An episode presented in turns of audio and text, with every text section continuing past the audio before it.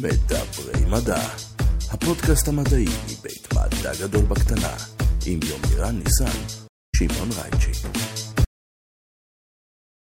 שלום וברוכים הבאים לפרק מספר 8 של מדברים מדע, פודקאסט מבית מדע גדול בקטנה, אהלן יומי רן, עבר הרבה זמן. אהלן שמעון, בהחלט, עברנו למוד עצמאי. למוד עצמאי, אנחנו, אה, אנחנו עצמאים בשטח, אנחנו חזקים, אנחנו איתנים, אפשר לומר שעברנו אבולוציה. חד משמעית, עברנו אבולוציה מרשימה ביותר. וזה הנושא של הפרק שלנו היום, תציג את האורח בבקשה. אז האורח שלנו היום הוא אלכס לבנקו, מהכותבים הוותיקים והטובים והמדהימים של אה, מדע גדול בקטנה.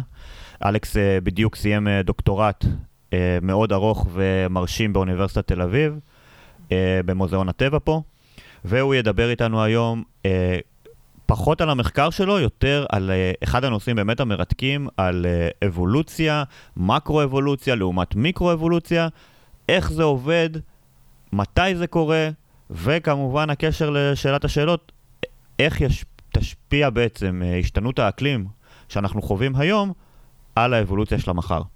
לטאות, שינוי אקלים ואבולוציה. זה הזמן להתחיל לדבר מדע.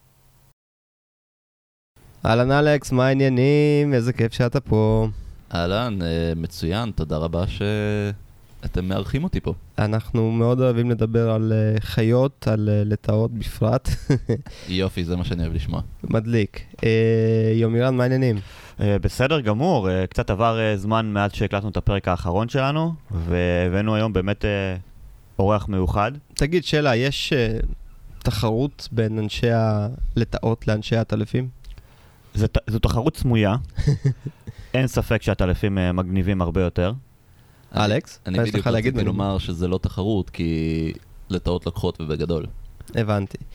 בוא תציג את הקייס שלך, ואנחנו נדבר היום על אה, אבולוציה, נדבר היום על אה, אקולוגיה. אה, תספר לנו קצת על המחקר שלך. טוב, אז המחקר שלי בגדול עוסק במקרו-אבולוציה, שזה אבולוציה בסקלות גדולות. ממש על קצה המזלג, כי אפשר להיכנס הרבה יותר להגדרות של מה זה בדיוק. חשבתי שאבולוציה זה דבר די גדול בפני עצמו. זה דבר גדול בפני עצמו, אבל אתה יכול להסתכל על זה ב- בכמה, נקרא לזה לבלים שונים, ברמות שונות. אתה יכול להסתכל על זה ברמה של אה, מה קורה בתוך מין אחד ספציפי, ואיך האוכלוסיות שלו משתנות אה, בין דור אחד לדור הבא אחריו. ואתה יכול להסתכל על זה גם בסקלות זמנים גיאולוגיות, ואיך דברים משתנים לאורך מיליוני ועשרות מיליוני שנים. אה, ושינויים כאלה שהם קצת יותר אה, גדולים, נקרא לזה ככה. איך מסתכלים כל כך אחורה לעבר? אה, אז דרך אחת להסתכל על זה זה עם מאובנים. אם אתה מוצא מאובנים ואתה יודע לתארך אותם ולומר מתי הם חיו, אתה יכול להשוות אותם למה שחי היום ולראות איך דברים השתנו. ודרך אחרת היא אה, שיש לנו כל מיני שיטות על ידי השוואה של בעלי חיים שחיים היום, אה, לשער או בעצם לשחזר את היחסים האבולוציוניים שלהם, מי קרוב למי, אה, מי התפצל ממי, מתי זה קרה, וככה אתה יכול אה, בעצם למפות את ההיסטוריה האבולוציונית שלהם, ואז לנסות להבין איך הם השתנו לאורך ההיסטוריה הזאת. אז uh, פה בעצם אנחנו, אחד הקאץ' פרייזים שאנחנו משתמשים הרבה, גם בדף וגם באופן כללי בשיחות, אבולוציה, אבולוציה, אבולוציה, תיאוריית האבולוציה, תורת האבולוציה. אלכס, בוא תעשה לנו שנייה רגע איזה, איזה סדר קצר. מה זו אבולוציה? כשאומרים לך כביולוג. אוקיי, בוא נתחיל קודם עם ההגדרה כזה by the book. Uh, ההגדרה הסטנדרטית, נקרא לזה ככה, של אבולוציה, זה שינוי בתדירות של גנים באוכלוסייה לאורך זמן. מה שזה אומר בתכלס, זה שאם אנחנו מסתכלים לאורך זמן, uh, שזה יכול להיות לאורך דורות שונים, לאורך שנים, מה שזה לא יהיה, כל יצור חי שאנחנו מסתכלים עליו הוא לא סטטי בזמן, הוא משתנה. השינויים האלה יכולים להיות ברמת הצורה שלו, ברמת ההתנהגות, אה, או ברמת ה-DNA שלו והחומר הגנטי שמרכיב אותו, שזה בעצם מה שמשפיע על כל השינויים האלה בצורה ובהתנהגות וכולי וכולי. אז בגדול, מה שהאבולוציה אומרת זה שדברים משתנים עם הזמן. אוקיי, שזו בעצם, אה, אה, צריך להגיד שאתה מדבר בעצם על תדירות, התדירות הזאת יכולה להיות או אחד או כאילו 100% מהאוכלוסייה, ואז היא מתקבעת אצל כל הפרטים מאותו המין אה, של אותו אוכלוסייה, או כמובן אפס, ואז התכונה הזאת בעצם נעלמת ונזרקת לפח ה... נקרא לזה לפח הזבל של האבולוציה. נכון, למעשה אה, ניקח איזושהי אוכלוסייה היפותטית של איזשהו יצור חי. אוקיי? אנחנו מגיעים עם איזושהי נקודת התחלה שיש להם תכונה, נקרא לה תכונה א', והיא כרגע נפוצה בכולם, בכל הפרטים באוכלוסייה. ואז באיזשהו שלב מופיעה תכונה חדשה או איזושהי גרסה שונה של התכונה הקיימת, נקרא לזה תכונה ב'. והיא מתחילה בתדירות מאוד נמוכה, היא מתחילה אצל פרט אחד מכל האוכלוסייה הזאת. אז אחד חלקי סך כל הגודל של האוכלוסייה. וכמו שבאמת אמרת היום, אירן, עם הזמן, מה שקורה לאורך דורות, בגלל שהתכונות האלה מועברות בהורשה, אה, אז התדירות הזאת יכולה להשתנות עם הזמן, והיא יכולה לעלות ולעלות ולעלות, עד שבסוף היא מגיעה לקיבוע, כלומר כל הפרטים באוכלוסייה נושאים את תכונה ב', ואז התדירות שלה היא 1, היא נמצאת בכל הפרטים באוכלוסייה, או שהיא יכולה להיות בתדירות נמוכה יותר, וגם יכולה פשוט להיעלם, לחזור לאפס, והתכונה הזאת בעצם נמחקת, ו... וביי, וכאילו כלומר, לא קיימת יותר. אם אני אה, ג'ירפה והתחלתי לפתח לי צוואר ארוך וראיתי כי טוב, זאת אומרת, הסביבה שלי דוחפת אותי לאמץ את התכונה הזאת, לשגשג אה, תחת התנאים החדשים שנוצרו. עכשיו יש לי צוואר ארוך, קל לי להגיע לעלים הטעימים האלה.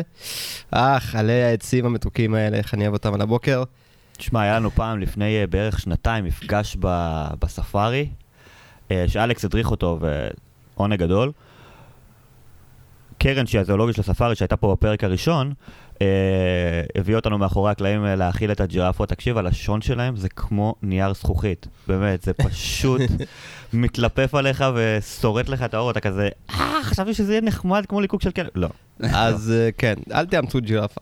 תגיד שנייה, אבל כן. התחרות היא בעצם אה, לא בין אה, תכונות, היא ממש בין גנים. זאת אומרת, מה שמתפתח הרי בסופו של דבר, לפעמים אנחנו מדברים על זה כעל אה, אה, חיות, הם פיתחו אה, קרניים וכאלה, אבל בסך הכל מדובר בתחרות בין מולקולות, בין DNAים.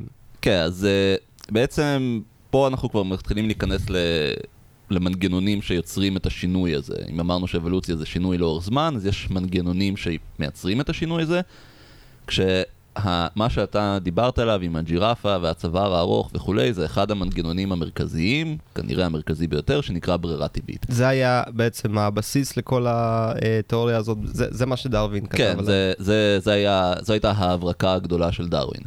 אה, ופה באמת אנחנו מדברים על העניין הזה שכשיש לך איזשהו יתרון, אז התכונה הזאת בעצם מתפשטת באוכלוסייה, כי מי שנושא את התכונה הזאת יש לו סיכוי יותר גבוה להעמיד צאצאים, אה, שזה יכול להיות בין אם בגלל שהוא מתרבה יותר טוב ויותר מהר, או שפשוט הסיכוי שלו למות יותר נמוך, אז אם הוא לא מת מן הסתם יש לו יותר הזדמנויות להתרבות וכולי וכולי. ואז הפרטים, ש- הצאצאים שלו הם נושאים את אותה תכונה וככה זה מתפשט באוכלוסייה. עכשיו, מצד אחד אתה צודק שמה שמתפשט באוכלוסייה זה למעשה הגנים, זה ה-DNA. כי הגנים הם אלה שמייצרים את, ה- את התכונה. אבל פה אנחנו צריכים להפריד בין שני קונספטים, יש את הגנוטיפ, שזה בעצם מה הרצף של המולקולות DNA אה, הספציפי, כלומר, אה, אם המול, המולקולות של DNA זה בעצם יכול לבוא בארבע סוגים, A, T, G ו-C, אז אתה מקבל איזשהו משפט כזה של A, A, T, G, G, G, C וכולי וכולי וכולי. זה הרצף של ה-DNA, זה הגנוטיפ. אבל הגנוטיפ יוצר את הפנוטיפ. הפנוטיפ זה מה שממש בא לידי ביטוי בחיה עצמה.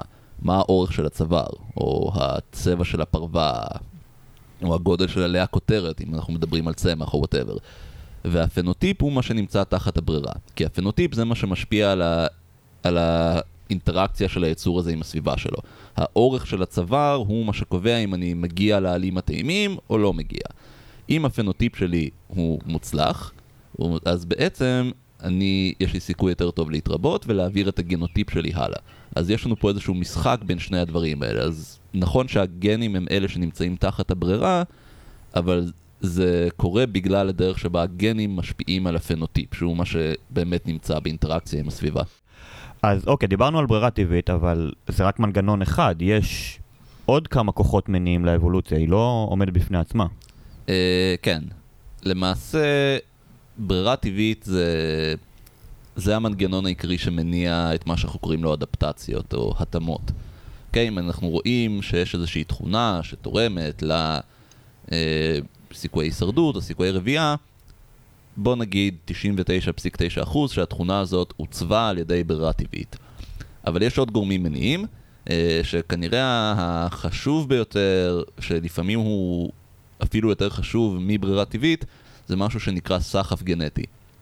זה למעשה שינויים אקראיים לחלוטין ב-DNA, אה, שנובעים מכל מיני גורמים דמוגרפיים, תנודות אקראיות בגודל האוכלוסייה, פתאום בא איזה הוריקן, חיסל חצי מהאוכלוסייה.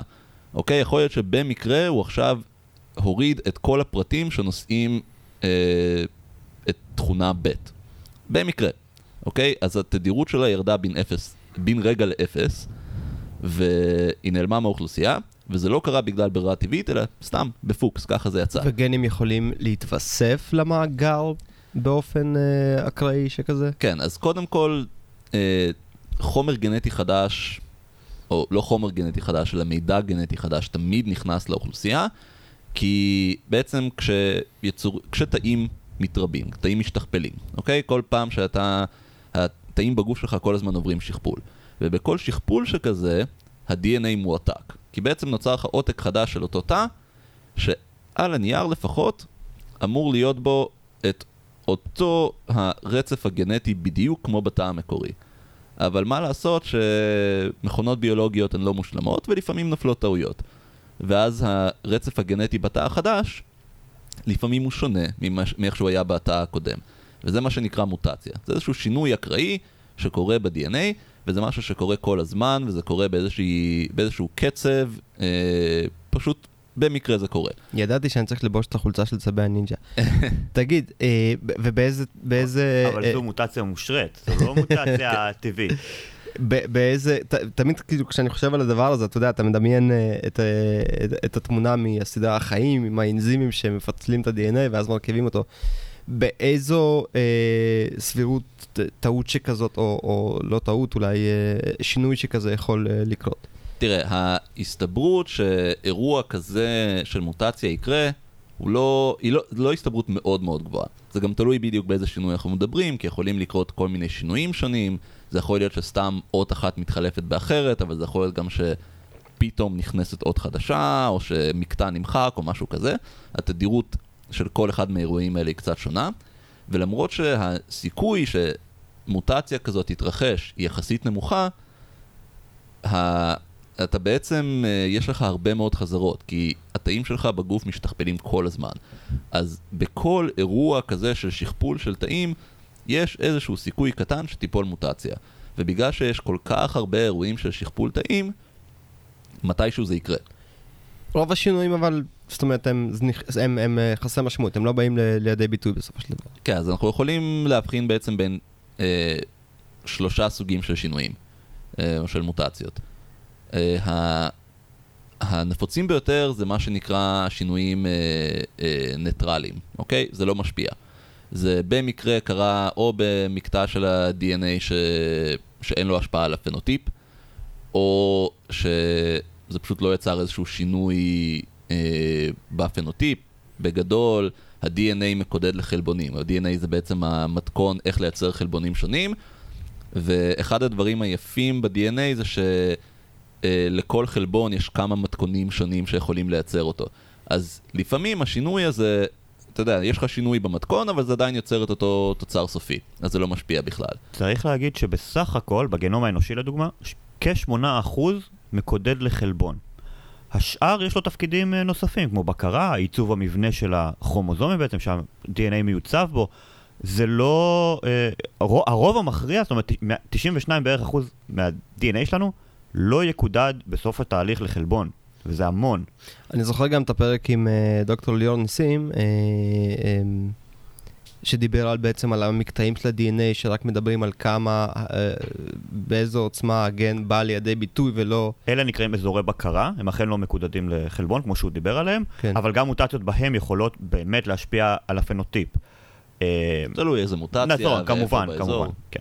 טוב, יופי, זה אומר שלהקשיב לפודקאסטים, אה, לפחות לפודקאסטים שאתה משתתף בהם, זה, תורם לידע שלך.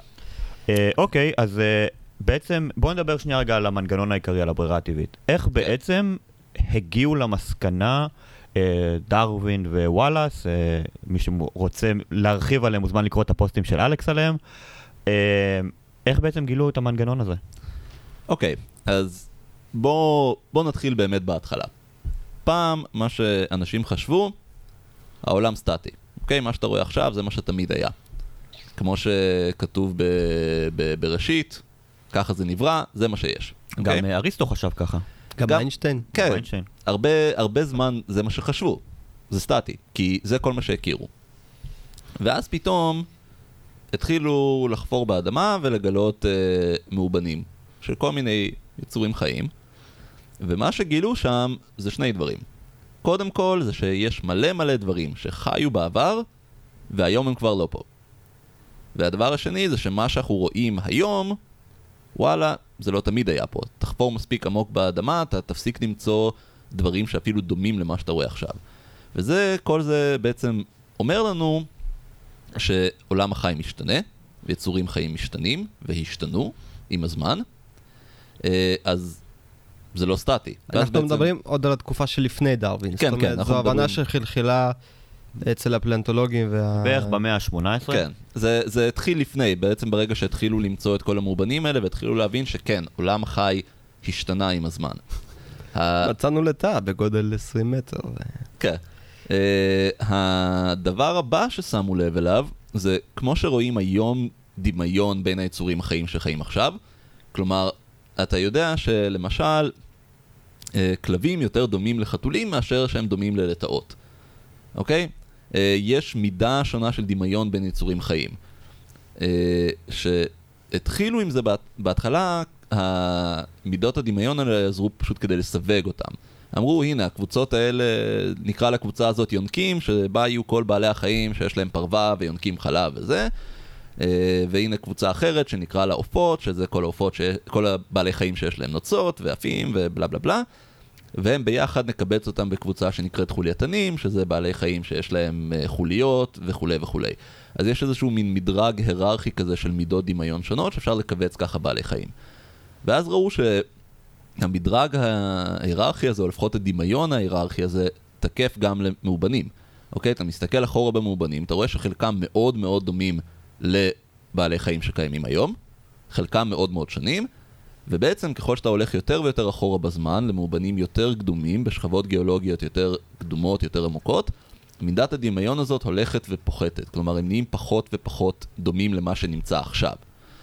אה, ואז בעצם אה, העלו את הרעיון הזה, שזה לא רק שהעולם החי הוא לא סטטי, כלומר, כן היו שינויים, אבל גם שכנראה שיש פה אה, שינויים הדרגתיים, שבעצם דברים, אה, מ...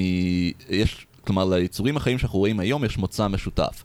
פעם הם היו איזשהו בעל חיים אחד, ואז הם השתנו למשהו אחר. ובגלל זה אנחנו רואים את, את המידות הדמיון האלה המשתנות ב, ברקורד המאובנים. אה, אז כל זה עוד היה לפני דרווין, הוא לא היה הראשון שאמר שיש מוצא משותף וכולי. הוא כן היה כנראה הראשון שאמר שלהכל יש מוצא משותף, אחרים אמרו שהיו, אתה יודע, כמה אה, קווים מקבילים כאלה של אה, אה, אירועי בריאה רבים, ודרווין אמר לא, זה הכל, הכל ממשהו אחד, אבל היופי הגדול של דרווין זה שהוא בעצם התחיל לעלות, הוא הראשון שעלה על המנגנון. אה, דרווין, כשהוא היה עוד צעיר, הוא הצטרף לספינת מחקר שנקרא ביגל, שעשתה מסע בעצם סובב עולם, הם יצאו מאנגליה, הקיפו את דרום אמריקה, אה, מהדרום, הגיעו גם לאוסטרליה וזה, חזרו עד לאנגליה, משלחת של כמה שנים. ודרווין הצטרף בתור אה, חוקר הטבע של המשלחת, זה משהו שהיה מאוד נפוץ בספינות באותה תקופה. והוא חקר הרבה מאוד דברים בדרך, הוא הסתכל על מאובנים בדרום אמריקה ומלא מלא דברים, אבל אחד הדברים הכי משפיעים היה כשהוא הגיע לאי הגלפגוס, שנמצאים אה, מול חופי אקוודור, אה, באוקיינוס השקט, ושם הוא ראה כל מיני דברים מאוד מאוד מגניבים. בין היתר הוא ראה את צבי הענק שיש בגלפגוס, ושמצד אחד הם מאוד דומים זה לזה, בכל אי יש צבים מאוד מאוד גדולים, אה, אבל המושל של איי הגלפגוס אמר לדרווין, תביא לי שריון של צו, ורק לפי הצורה של השריון אני אומר לך מאיזה אי הצו הזה הגיע. אה, כלומר, הם כולם מאוד מאוד דומים, אבל הם קצת שונים, יש הבדלים בין האיים השונים. אפשר גם לזהות לפי הסרט שיש להם על העיניים, לפי הצבע. כן, אבל אנחנו טיפה... טיפה לא ביקום כן, שלנו. כן. זה סיפור מדהים, אני מת על הסיפור של דרווין, הוא גם התלבט אה, בין זה לבין להיות פרח כמורה, סך הכל אה, אה, כן, עשה- זה- עשה בחירה מעניינת. זה היה מקצוע... זה המקצוע הרשמי שלו. כי זה היה מקצוע טוב באותה תקופה, הוא לא רצה להיות רופא, אז אה, יאללה, לך תהיה אוקיי, כומר. אז צבים בגלפגוס. כן. אה, ובנוסף הוא ראה גם ציפורי שיר בגלפגוס, שגם מאוד מאוד דומות זו לזו, אבל לכל אחת קצת שונה, יש לה מקור טיפה שונה, משהו טיפה שונה. והוא בעצם מגיע להבנה שהסיבה להבדלים האלה, כלומר אלה בבירור בעלי חיים שיש להם מוצא משותף. הם כולם, אה, אה, המקור שלהם הוא בסטוק אחד אה, קדמוני. כלומר, כל הצבים בגלפגוס, כולם מקורם באיזושהי אוכלוסייה ראשונית של צבים. ואז הם התפשטו בין האיים השונים, כי הוא גם ידע שהאיים האלה לא היו קיימים מאז ומתמיד. זה כבר בזכות, היה אה, ידוע? כן. התנועה של הארכיאולוגית של ה... התנועה של לוחות טקטוניים עוד לא, לא, הי, לא הייתה הבנה של לוחות טקטוניים, אבל כן הייתה הבנה ש, שגם יש שינויים גיאולוגיים, כלומר שה, שגם פני כדור הארץ השתנו. אה, ההבנה של איך זה קורה היא הייתה קצת שגויה, כי לא ידעו על לוחות טקטוניים, סקלות הזמנים היו קצת אה, לא בדיוק מה שאנחנו מכירים היום, אבל ידעו שהדברים האלה משתנים וזה לוקח הרבה זמן וזה קורה בהדרגה. ומה שדרווין אמר זה, אוקיי, אז אם אנחנו יודעים שהגיאולוגיה משתנה, האיים האלה נוצרים, הם לא היו שם קודם, כלומר, יש לנו סביבה חדשה, ואז מגיע לשם בעל חיים כלשהו. ואז מה קורה? אם יש הבדלים בסביבה, אז זה הולך ליצור ברירה על בעלי החיים האלה, כי מי שמותאם לסביבה שלו הוא זה שיצליח לשרוד. כי הוא אמר, יש תחרות בטבע. יש יותר מדי פרטים, מעט מדי משאבים, לא כולם שורדים, לא כולם מתרבים. מי מנצח בתחרות, מי מצליח לשרוד ולהתרבות הכי טוב? מי שהכי מותאם לסביבה שלו. וככה הוא אמר שאם יש לך תכונות שמתאימות אותך לסביבה הזאת, אתה תצליח יותר, הסיכויים שלך לשרוד ולהתרבות יותר גבוהים, ואתה תעביר את התכונות שלך הלאה, כי הוא ראה את זה ממגדלי uh, כלבים ויונים ווואטאבר באנגליה, הוא ראה שאנשים כבר ידעו שיש דבר כזה הורשה, הם יודעים שצאצאים דומים להורים שלהם, והוא פשוט חיבר את כל הדברים האלה ביחד ותיאר את המנגנון הזה של הברירה הטבעית. תגיד, אבל אה, אוקיי, זה היה הבסיס בעצם, זה היה היסודות אה, של, של כל התורה המאוד מאוד גדולה הזאת. מאז דרווין, מה היו, הפר... מה היו פרצות הדרך, הפריצות הדרך הגדולות? אוקיי, אז ה- פריצת הדרך הגדולה ביותר, למעשה כשדרווין, אה, אחרי שהוא עשה את כל התגליות שלו בגלפגוס, הוא חזר הביתה לאנגליה, התחיל לשבת ולכתוב ספר עצום עם כל העדויות שהוא יכול לחשוב עליהן לדבר הזה, ובזמן שהוא ישב לו באנגליה, היה עוד אה, בחור בריטי שקוראים לו וואלאס, אה, שהוא היה יותר צעיר ממנו, הוא עבד במה שהיום אינדונזיה ומלזיה, עלה על אותו רעיון, שלח לדרווין מכתב, כי הוא ידע שדרווין עובד על דברים דומים, אמר לו, כתב לו, וואי, תראה איזה רעיון מגניב, חשבתי עליו, מה, מה דעתך? ואז זה בעצם דרבן את דרווין אה, לפרסם את הספר שלו, כלומר קודם הם פרסמו מאמר ביחד שמתאר את הרעיון הזה בקצרה, ואז הוא פרסם את מוצא, דרווין פרסם את מוצא המינים, שהוא תיאר את זה בתור תקציר, הוא אף פעם לא פרסם את התזה המלאה, זה תקציר מאוד מאוד ארוך. צריך גם לזכור שלפרסם את המאמרים האלה באותה תקופה היה מאוד קשה מהרבה סיבות, אה, סיבות חברתיות כן, אז ודתיות. אה, הוא, הוא שמר את הספר הזה לעצמו תקופה הוא, ארוכה. הוא, רצ... הוא ישב על זה במשך כמעט עשור, פחות או יותר, כי הוא רצה, דרווין היה מאוד מאוד מדוקדק, הוא רצה שזה יהיה איירטייט, אוקיי? הספר שלו אשכרה מלא, יש לו פרק שלם שעוסק בכל החורים שיש בתיאוריה שלו, ולמה הם לא באמת חורים, ואיך אפשר יהיה להסביר אותם. הוא היה מאוד מאוד מדוקדק. Uh, כי הוא ידע שזה יכול לקבל backlash. גם מסיבות דתיות, אבל לא רק. הוא בכוונה נמנע מלעסוק במוצא האדם ב, ב, במוצא המינים. הוא עסק בזה מאוחר יותר, בספר יותר מאוחר. אה, אבל- במוצא המינים יש בסך הכל משפט אחד שמדבר על האדם, שהוא בגדול אומר, כל מה שדיברתי עד עכשיו על עולם החי, רלוונטי גם לאדם, בגדול, זה המשפט. הוא כאילו מכניס את זה הכי בקטנה ובעדינות שאפשר, ואז בספר הבא שלו הוא כבר עף על זה. כן. אמ, זהו, אז בהתחלה הרעיון של דרווין, בוא נגיד שהוא לא תפס במדהים, כן? זה לא שהוא ישר התפשט בכל העולם וכולם היו על זה. היו הרבה חוקרים שקיבלו את זה, מאוד אהבו את זה, הגנו עליו בחירוף נפש, והיו אחרים שאמרו, הוא מדבר שטויות, זה, זה כלום. במשך הרבה מאוד זמן אחרי דרווין, זה עדיין לא היה בקונצנזוס. מה שבעיקר אה, אה, הוביל לתפיסה בציב, ב, ב, בכל ציבור המדענים, בכל קהילת המדענים, שזה מה שקורה, באמת, שזה התיאור הטוב ביותר של הטבע, זה שלקראת סוף המאה ה-19, תחילת המאה ה-20, אה, גילו מחדש את הגנטיקה של מנדל. אה, מנדל היה, אה, הוא היה נזיר, גרמני, והוא עשה ניסויים באפונים עוד הרבה הרבה לפני דרווין, ובעצם עלה על מנגנון ההורשה הגנטית, המנגנון הזה של ה-DNA. אה, איך זה בדיוק, איך בדיוק זה עובד. כלומר, לא ידעו עדיין איך המולקולה נראית או משהו כזה, אבל מנדל הצליח להראות שיש איזשהו חומר שעובר בתורשה, והוא זה שמשפיע על, על תכונות, ובדיוק איך הדבר הזה... על איזה שנים אנחנו מדברים? אה, מנדל היה... ב, ב... אמצע המאה אמצע המאה ה-19. מדהים. לא, מנדל היה לפני, הוא היה לפני דרווין. לא. כן, דרווין היה באמצע המאה הם, ה-19. הם היו, היו כן. לצורך העניין במקביל, והם פשוט, דרווין לא הגיע אליו, כל הכתבים, כן. זה הגיע אליו איזה... כש, כשדרווין מת ועשו סדר במכתבה שלו, מצאו את הכתבים של מנדל, הוא פשוט לא הגיע אליהם עדיין, זה עדיין היה חתום. כן, ו...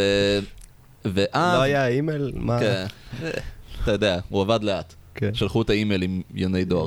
אה, אז בעצם ברגע שחוקרים מצאו את כל המנגנון הגנטי הזה של מנדל, חיברו את זה ביחד עם הרעיונות של דרווין, שדרווין תיאר את הרעיונות שלו בצורה מילולית, בצורה מילולית מדהימה, אבל עדיין בצורה מילולית, ואז באו חוקרים עם יותר הבנה של גנטיקה, של, אה, כולל הפורמולציה המתמטית של כל העקרונות הגנטיים, והצליחו בעצם לחבר את הגנטיקה הזאת ביחד עם כל מיני אה, מודלים דמוגרפיים, אה, ביחד עם ידע על אה, טקסונומיה, ו, כלומר תיאור של עולם החי וכל הסידורים ההיררכיים וכולי וכולי, ובעצם יצרו את מה שנקרא הסינתזה החדשה, אה, או הסינתזה המודרנית, אה, ובעצם יצרו פורמולציה חדשה של תיאוריית האבולוציה, כולל הסברים מתמטיים מדוקדקים ש, שמראים, אה, כלומר שאפשר לחשב ממש אה, עוצמה של ברירה טבעית וקצב של השתנות אה, של, אה, של גנים באוכלוסייה וכולי וכולי, וזה פשוט עובד. והיום אנחנו בעצם, אה, אנחנו בעצם כבר בעידן, נקרא לזה, של מטה-ג'נומיקס, ואנחנו בעצם מסתכלים על מאות מיליארדי אה, בסיסי DNA בבת אחת של אוכלוסיות שלמות.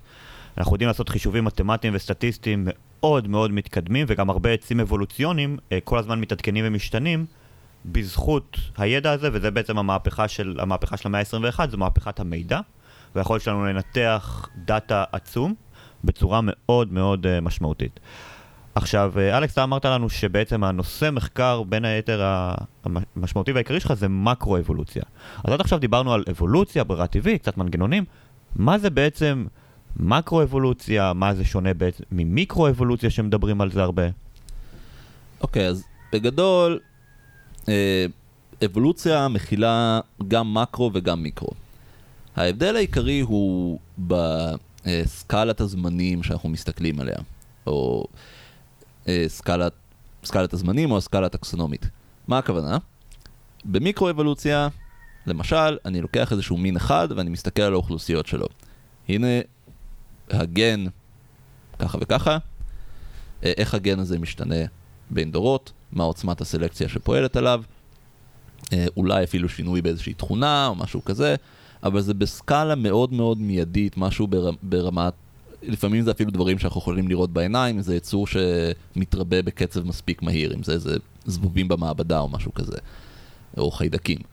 מקרו-אבולוציה זה בעצם אומר, רגע, בואו ניקח כמה צעדים אחורה, נעשה זום אאוט, בואו נסתכל עכשיו על כל העופות, איך הקבוצה הזאת מתפתחת, או איך היא התפתחה יותר נכון.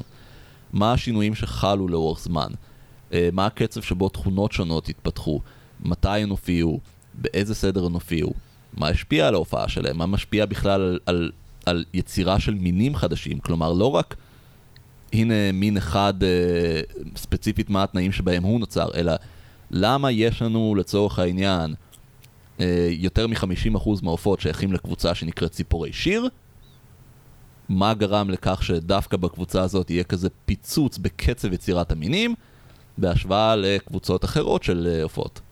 אה, וזה ומה הייתה המסקנה? אה, שאלה מצוינת, אנחנו עדיין לא יודעים. זה, זה דברים שממש... איזה ב- טיזר אתה. כן. אנחנו כזה... בוא נדבר על אחת השאלות המעניינות, על הקבוצה הכי גדולה בעצם במשפחת העופות, וכזה... אה, אנחנו לא יודעים. כן, תראה, יש, יש רעיונות, יש... זה כנראה קשור לאיזשהו, אה, מה שנקרא ב- בתחום אה, Key Innovation, איזושהי תכונה מיוחדת שהתפתחה ספציפית בקבוצה הזאת, ואפשרה להם פשוט להתפ... להתפוצץ מבחינת עושר המינים ולהתפשט ככה בעולם. אבל אנחנו לא יודעים ב-100%, ולמעשה השאלות האלה של מה משפיע על הבדלים בקצב יצירת המינים, זה ממש שאלות שהן בחזית המחקר במקרו-אבולוציה, ודברים שעדיין עובדים עליהם, ו- וכנראה ימשיכו לעבוד עליהם גם הרבה אחרי שאני לא אהיה כאן. אבל מה כן גילינו במקרו-אבולוציה? מלא דברים. זה, זה תחום עצום, כלומר... אתה יכול לדבר על כן. לטאות. כן, אוקיי, תראה, למשל, אחד הדברים היפים שאנחנו גילינו, שאנחנו גילינו, אנחנו מצליחים עכשיו לתאר בצורה מאוד מאוד טובה, אה, תהליך מגניב בטירוף שנקרא רדיאציה אדפטיבית. אדפטיבית. בום. זרקנו מושג, מייק דרופ. אה, mic drop כן, והולכים, סוגרים את כן, הפודקאסט. יאללה, ביי. יאללה. אה, שוב, תחזור כן. לאט. רדיאציה אדפטיבית. אוקיי. רדי- רדיאציה זה בעצם אומר יצירה של אה, מינים, שם טוב ללהקה. האמת שכן. אבל להקת מטא, לא? ברור. כן. תחשוב על, לצורך העניין, אם אנחנו אוהבים לדמיין הרבה פעמים אה, היסטוריה אבולוציונית בתור עץ, מהמם. אז תחשוב שבמקום לשים את השורש ב, אה, למטה, אתה שם אותו במרכז ונותן לזה להתפשט החוצה. בגלל זה זה רדיאציה. אוקיי. אדפטיבית זה אומר שזה תחת השפעה של ברירה טבעית, כלומר יש פה איזה שהם יתרונות, אה, נוצרות התאמות. התיאור הקלאסי ביותר של רדיאציה אדפטיבית זה נוצרת לך, נוצרים לך איים חדשים, בא איזשהו בעל חיים חדש, אתה זורק אותו באיים האלה, ויש לו הרבה סביבות חדשות, הרבה נישות אקולוגיות פנויות, ואז הוא פשוט מתחיל להתפתח, אה, לתפוס נישות חדשות. כל פעם שאוכלוסייה שלו תופסת איזושהי נישה, היא בעצם עוברת התאמה מהירה לאותה נישה. זה מהיר כי אין תחרות, כי אין שם אף אחד. וככל שהיא עוברת התאמות לנישה הזאת, היא בעצם הופכת למין חדש.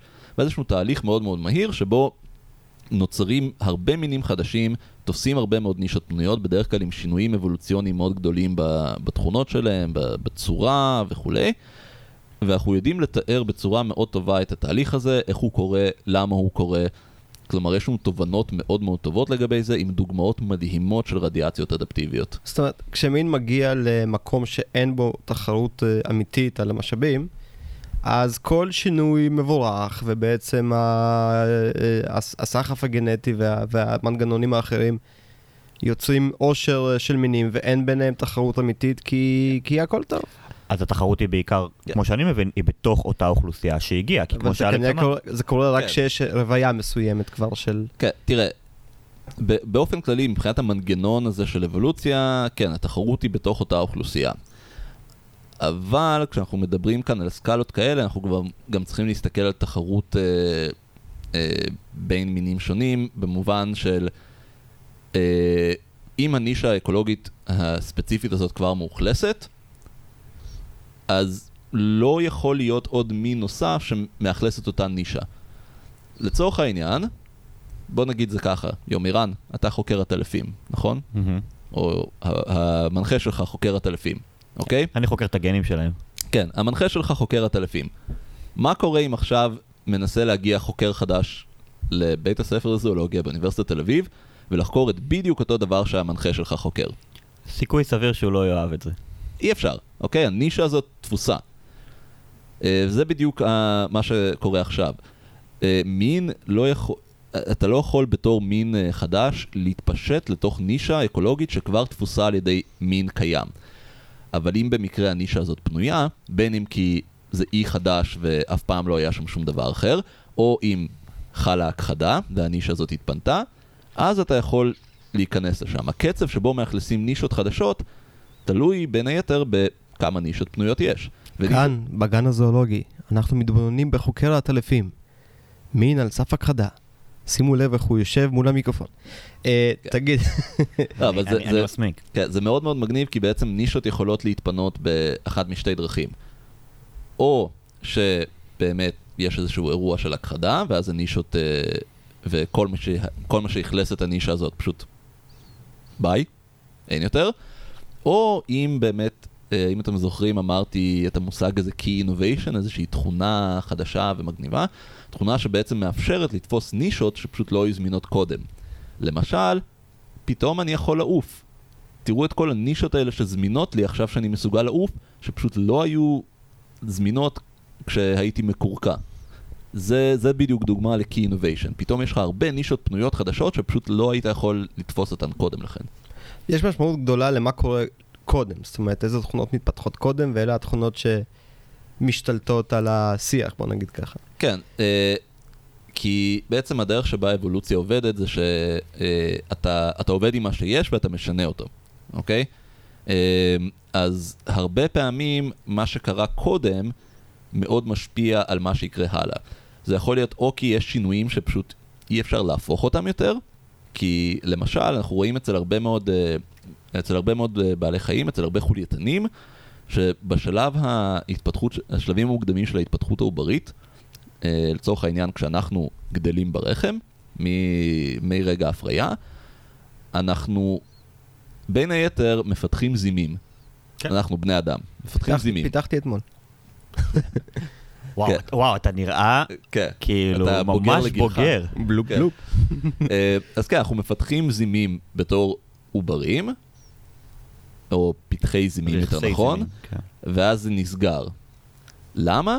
כנראה כי לשנות, כי אנחנו התפתחנו, חולייתני יבשה התפתחו מדגים. בעבר האבולוציוני שלנו היו לכולנו זימים.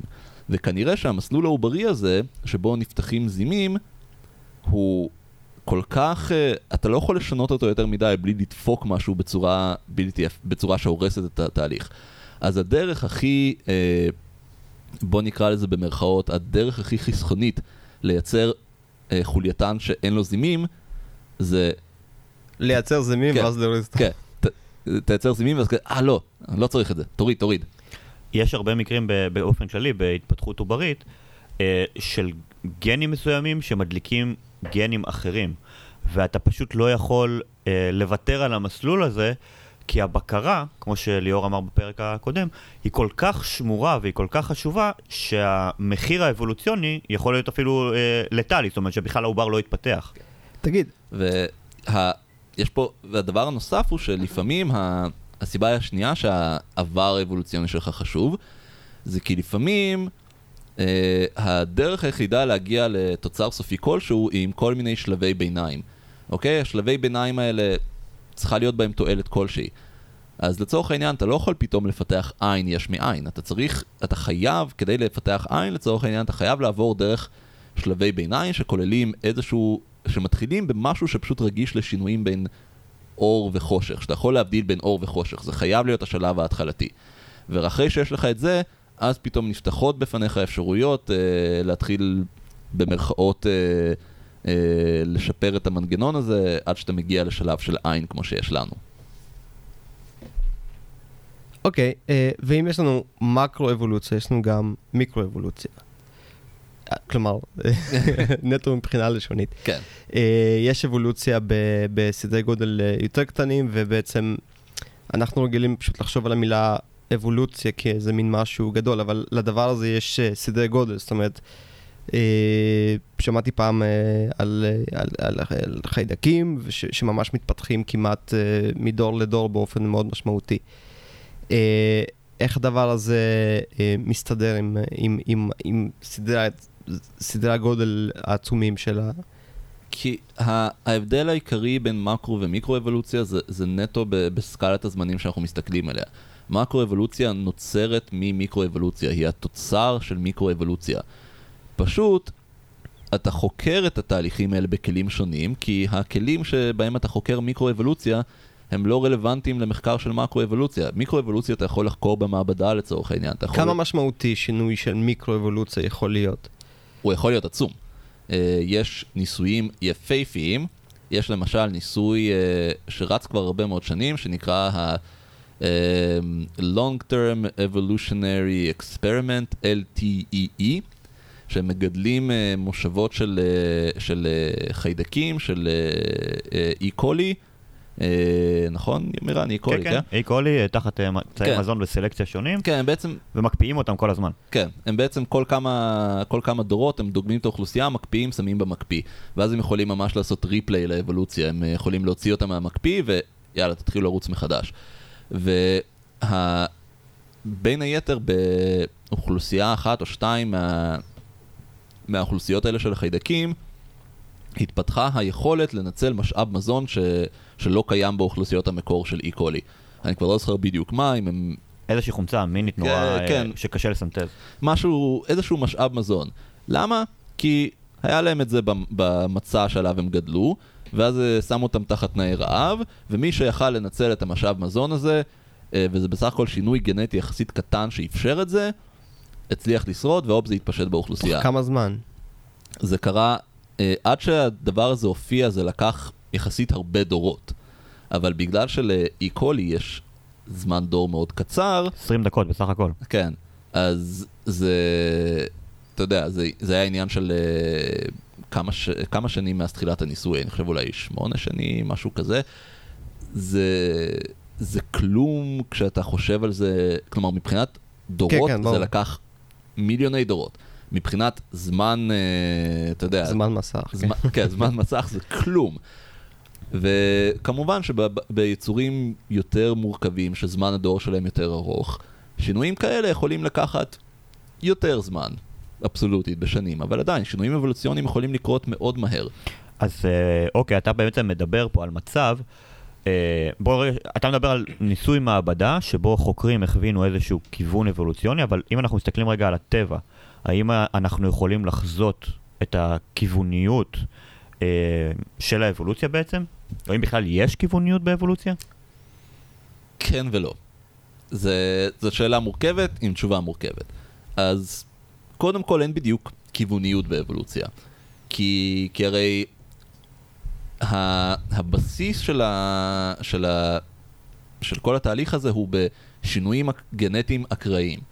במקרה הייתה טעות בשכפול של ה-DNA והופ, יש לנו מידע גנטי חדש שלפעמים יוצר איזשהו שינוי בפנוטיפ. ולפעמים השינוי הזה הוא אה, אדפטיבי, כלומר נותן יתרון, ולפעמים הוא לא. מתי הוא נותן יתרון ומתי הוא לא, הרבה מאוד מזה תלוי בתנאי הסביבה. משהו יכול להיות אדפטיבי בתנאי סביבה מסוימים, אבל לא אדפטיבי בתנאי סביבה אחרים. אם למשל במקרה התפתחה לי עמידות לטמפרטורות גבוהות, אבל אני גר בגרינלנד, אז התכונה הזאת לא עוזרת לי בשום דבר. חכה כמה שנים. אמ, אז, אז זה ה... אז הבסיס פה הוא אקראי. אם במקרה יוצא משהו שהוא מועיל, אז זה יכול להתפשט באוכלוסייה, ואז בעצם לייצר שינוי אבולוציוני מאוד מאוד גדול. אז אנחנו לא יכולים לחזות מתי שינוי יקרה ומתי לא. אבל כן יש כאן איזשהו אלמנט של כיווניות, או יותר נכון חזרתיות, בזה שיש יש תנאי סביבה שהם חוזרים על עצמם מספיק ב- במספיק מקומות, שהאסטרטגיות במרכאות, או הפתרונות להתמודדות איתם הם, הם יחסית מועטים. למשל, אה, בעלי חיים מעופפים, אנחנו יודעים שיש לנו ארבע קבוצות של בעלי חיים מעופפים, כיום שלוש, כי אחת מהן נכחדה, אה, זה עטלפים.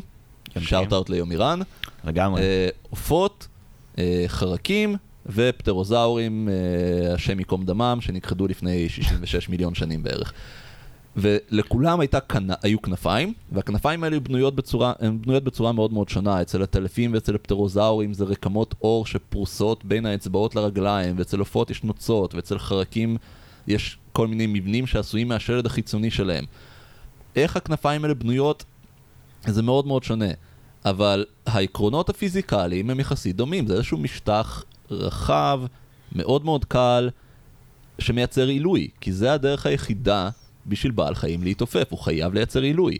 אז לא משנה איך הכנפיים שלך בנויות, הן, הן, יש ביניהם הרבה נקודות דמיון, והרבה נקודות דמיון אחרות. למשל, בעלי חיים מעופפים, בדרך כלל, חייבים להיות מאוד מאוד קלים, כי אתה צריך להתגבר על כוח הכובד. ולהרבה בעלי, גם לעופות וגם לפטרוזאורים, למשל, יש נוצות חלול, אה, עצמות חלולות. או יותר נכון לפטרוזאורים היו עצמות חלולות, כי הם לא איתנו יותר. אבל יש בהם פשוט הרבה מאוד כיסי אוויר שמפחיתים את המשקל של הגוף. רק בשביל, אה, לסבר, מה שנקרא, לסבר את האוזן, אה, סכנאי בוגר, כשהוא עומד על אה, שתי הרגליים שלו יחסית בצורה זקופה, מגיע בערך לגובה של מטר שבעים, פלוס מינוס, כן. כמעט, כמעט בגובה שלי, והוא שוקל בסך הכל 7 קילו בערך. יש פה סכנאים? כן? יש פה סכנאים. נלך- אה, נלך לשקול אחד אחרי זה. הולך לתפוס אחד, האמת, אני לא כל כך מציע לעשות את זה. סכנאי, כן. אני, אני אשמח לראות את, את הראש של יומירן תקוע בתוך אה, פה של למה סכנאי. תמיד זה אלימות כלפיי? למה אף פעם לא אלימות כלפי שמעון? אני פעם שמעתי אה, כזה דבר, בהרצאה על אבולוציה, אה, חבר ש... נראה לי הוא העביר את ההרצאה הזאת כשהיינו בצבא, הוא התחיל לדבר על הקידניות באפריקה שצועדות אה, בטורים ארוכים, ואני חשבתי על הנמלים הצועדות, אמרתי, מה שאני ידעתי, הוא אמר שזה בדרום אמריקה. ואמרתי לו, אתה בטוח שזה אפריקה? הוא אומר, כן, זו חיה שונה לגמרי, אבל זה אותו מנגנון, כלומר, המנגנון הזה של צעידה בטור, מין... יש דגמים מוצלחים יותר באבולוציה, שהאבולוציה מעתיקה ממקום למקום, או מפתחת אותם כן, פשוט. אני, ב- לא, אני לא אגיד מוצלחים יותר, כי, כי מה מוצלח זה מאוד תלוי בקונטקסט הסביבתי, התנאי הסביבה. אבל כן, יש דברים שאנחנו רואים שחוזרים על עצמם הרבה מאוד. אחת הדוגמאות הכי יפות לזה, והנה פה הלטאות אה, מנצחות, אה, יש קבוצה של לטאות שנקראת הנולים, קבוצה מאוד מאוד אה, גדולה, יש איזה 400 מינים שונים וכולי, שבערך חצי מהם נמצאים באיים הקריביים. והם באים ב- בסוגים שונים, או טיפוסים שונים. והם תלויים בתנאי הסביבה. למשל, אה, זה נקרא אקומורפים, זו צורה מסוימת שקשורה לאיזושהי אקולוגיה ספציפית. למשל, יש אקומורף שנקרא crown giants, זה אנולים מאוד מאוד גדולים, והם תמיד נמצאים בצמרות של עצים, בגלל זה הם crown giants, כי זה crown זה הצמרת של העץ, giant כי הם גדולים. ויש אה, אה, אנול, אקומורף אחר שנמצא רק על הגזע, ואקומורף אחר שנמצא על, אה, על ענפים מאוד מאוד קטנים. וכל אחד מהם יש לו איזושהי, לא רק בית הגידול שלו מאוד ספציפי, אלא גם הצורה מאוד ספציפית, בהתאם לבית הגידול הזה. ומה שמגניב זה שיש הרבה מאוד מינים שונים בכל אחד מהאקומורפים האלה, ובאיים הגדולים בקריביים, אה, היספניולה, ג'מייקה, קובה אה, וכולי וכולי, אתה רואה שיש שם מינים שונים מאותם האקומורפים, וכולם התפתחו באופן בלתי תלוי לחלוטין. כלומר, הגיע איזשהו אנול לאי הזה, ופשוט התפשט, עבר רדיאציה אדפטיבית, תפס את כל הנישות הפנויות, אותן נישות קיימות באיים השונים האלה, אז הם פשוט נהיו דומים מאוד אחד לשני, כל מי שתפס את הנישה של צמרת העצים הפך להיות קראון ג'יינט, אבל מבחינה אבולוציונית הוא יותר קרוב למינים מהאקומורפים האחרים באותו אי, מאשר למינים מאותו האקומורף מאיים אחרים. זה פשוט, זה פשוט חזר על עצמו שוב ושוב ושוב. אוקיי, אז דיברת באמת על כל מיני תופעות נורא נורא מיוחדות ומגניבות של שינויי סביבה. אבל אחד הדברים הכי הכי בעצם אה, משמעותיים וגדולים שיש לנו ואנחנו מכירים, שמשפיע בעצם על הסביבה, אלו האקלים של אותם אה, בתי גידול. אז אילו התאמות בעצם יש לבעלי חיים למשטרי אקלים שונים לדוגמה? יש מלא. אה, מהרבה מאוד סוגים שונים. זה יכול להיות התאמות אה, אה, מורפולוגיות, למשל בצורה ובמבנה של בעלי חיים. אה, למשל, אצל הרבה בעלי חיים שנמצאים באזורים חמים, יש כל מיני איברים בולטים מאוד מאוד דקים, שפשוט פולטים עודפי חום. תחשבו על אה, אוזניים של פילים. רדיאטורים. רדיאטורים, בדיוק. או של פנק לדוגמה? או של פנק. אה, יכולים להיות שינוי, אה, התאמות פיזיולוגיות. אה, כמו שאמרתי, חלבונים שעמידים לחום מאוד מאוד גבוה, יכולים להיות מאוד אדפטיביים אצל בעלי חיים במקומות חמים. אני רק אה, אתן פה דוגמה קטנה, כי זה נושא שסוג של קרוב לליבי. יש בישראל אה, מדבר, רוב מדינת ישראל בעצם הוא אה, אזור מדברי, ויש במדבר אה, שבלולים, שבלולי יבשה, שבכלל אנשים הרבה פעמים לא, לא מודעים אליהם. ותחשבו על זה שהשבלולים האלה חיים על פני השטח, בשמש יוקדת של אה, כמה זה בערך 70-80 מעלות הקרקע מתחממת בשיא הקיץ, וזה בסופו של דבר בעל חיים שרובו המכריע, מעל 90% זה נוזלים, זה מים. ובמהלך uh, הקיץ יש עליו שמש שהיא נוראית, בני אדם אפילו לצורך העניין אה, לא מסוגלים.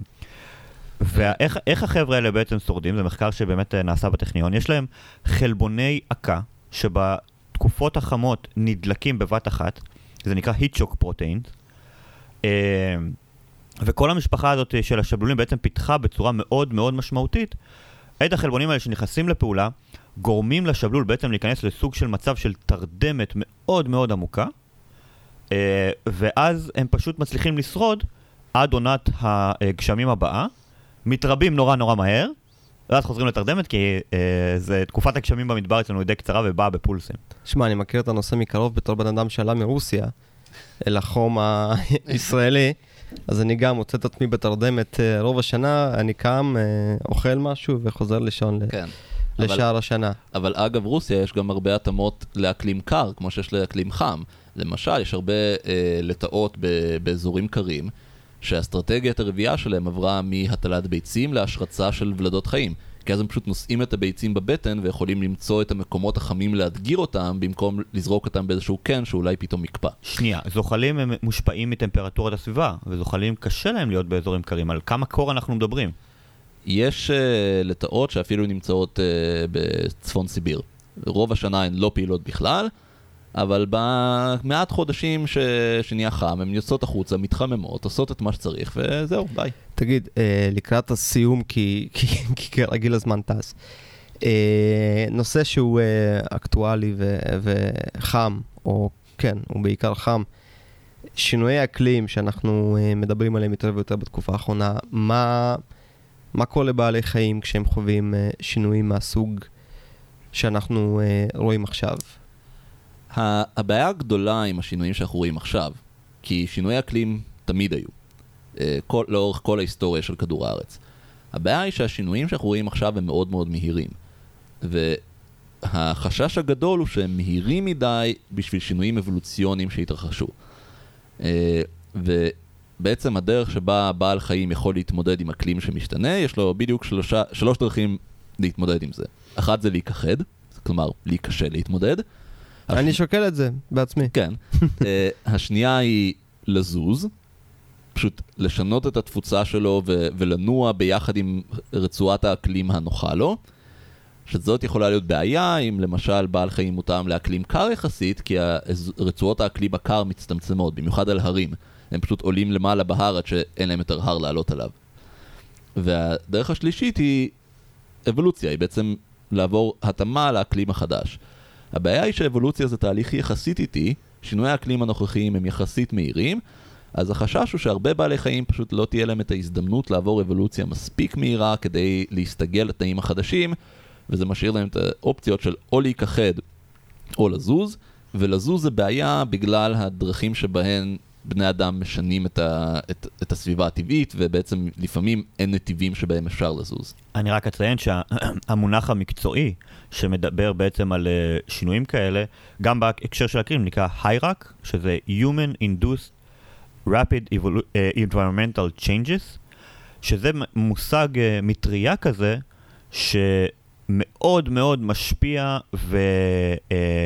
ותחשבו שציפור יוצאת לנתיב נדידה, היא חוזרת, פתאום יש לה מכתש. שאיזשהו מכרה פתוח ששמו באמצע. זאת אומרת, השינוי הזה יכול להיות סופר מהיר ברמה של כלום זמן, פתאום גורד שחקים אה, בה, אבל גם בקטע של שינוי אקלים, זה בסקאלה של זמן של שינוי אקלים, שאנחנו מדברים פה על לרוב אה, עשרות אלפי שנים שהאקלים משתנה בכזו עוצמה, פתאום זה ב-200 שנה בערך? כן, וזה זה מאוד מאוד מאוד מהיר. טוב, תשמעו, אה, עוד נושא במדברים מדע שאפשר לדבר עליו במשך אה, לא מעט פרקים. אה, יומירן, מילות סיכום. אה, אז תודה רבה לאלכס אה, סלבנקו שבאמת הגיע וחשף אותנו לעולם המופלא של אה, אבולוציה ומקרו-אבולוציה, ש... וכמובן ההשפעה עם שינוי אקלים. אני רק רוצה בבמה המכובדת שלנו פה לאחל המון המון אה, בהצלחה לאלכס שסיים אה, דוקטורט עכשיו באוניברסיטת תל אביב ועכשיו ממשיך לפוסט דוקטורט באוניברסיטת שפיל, נכון? נכון.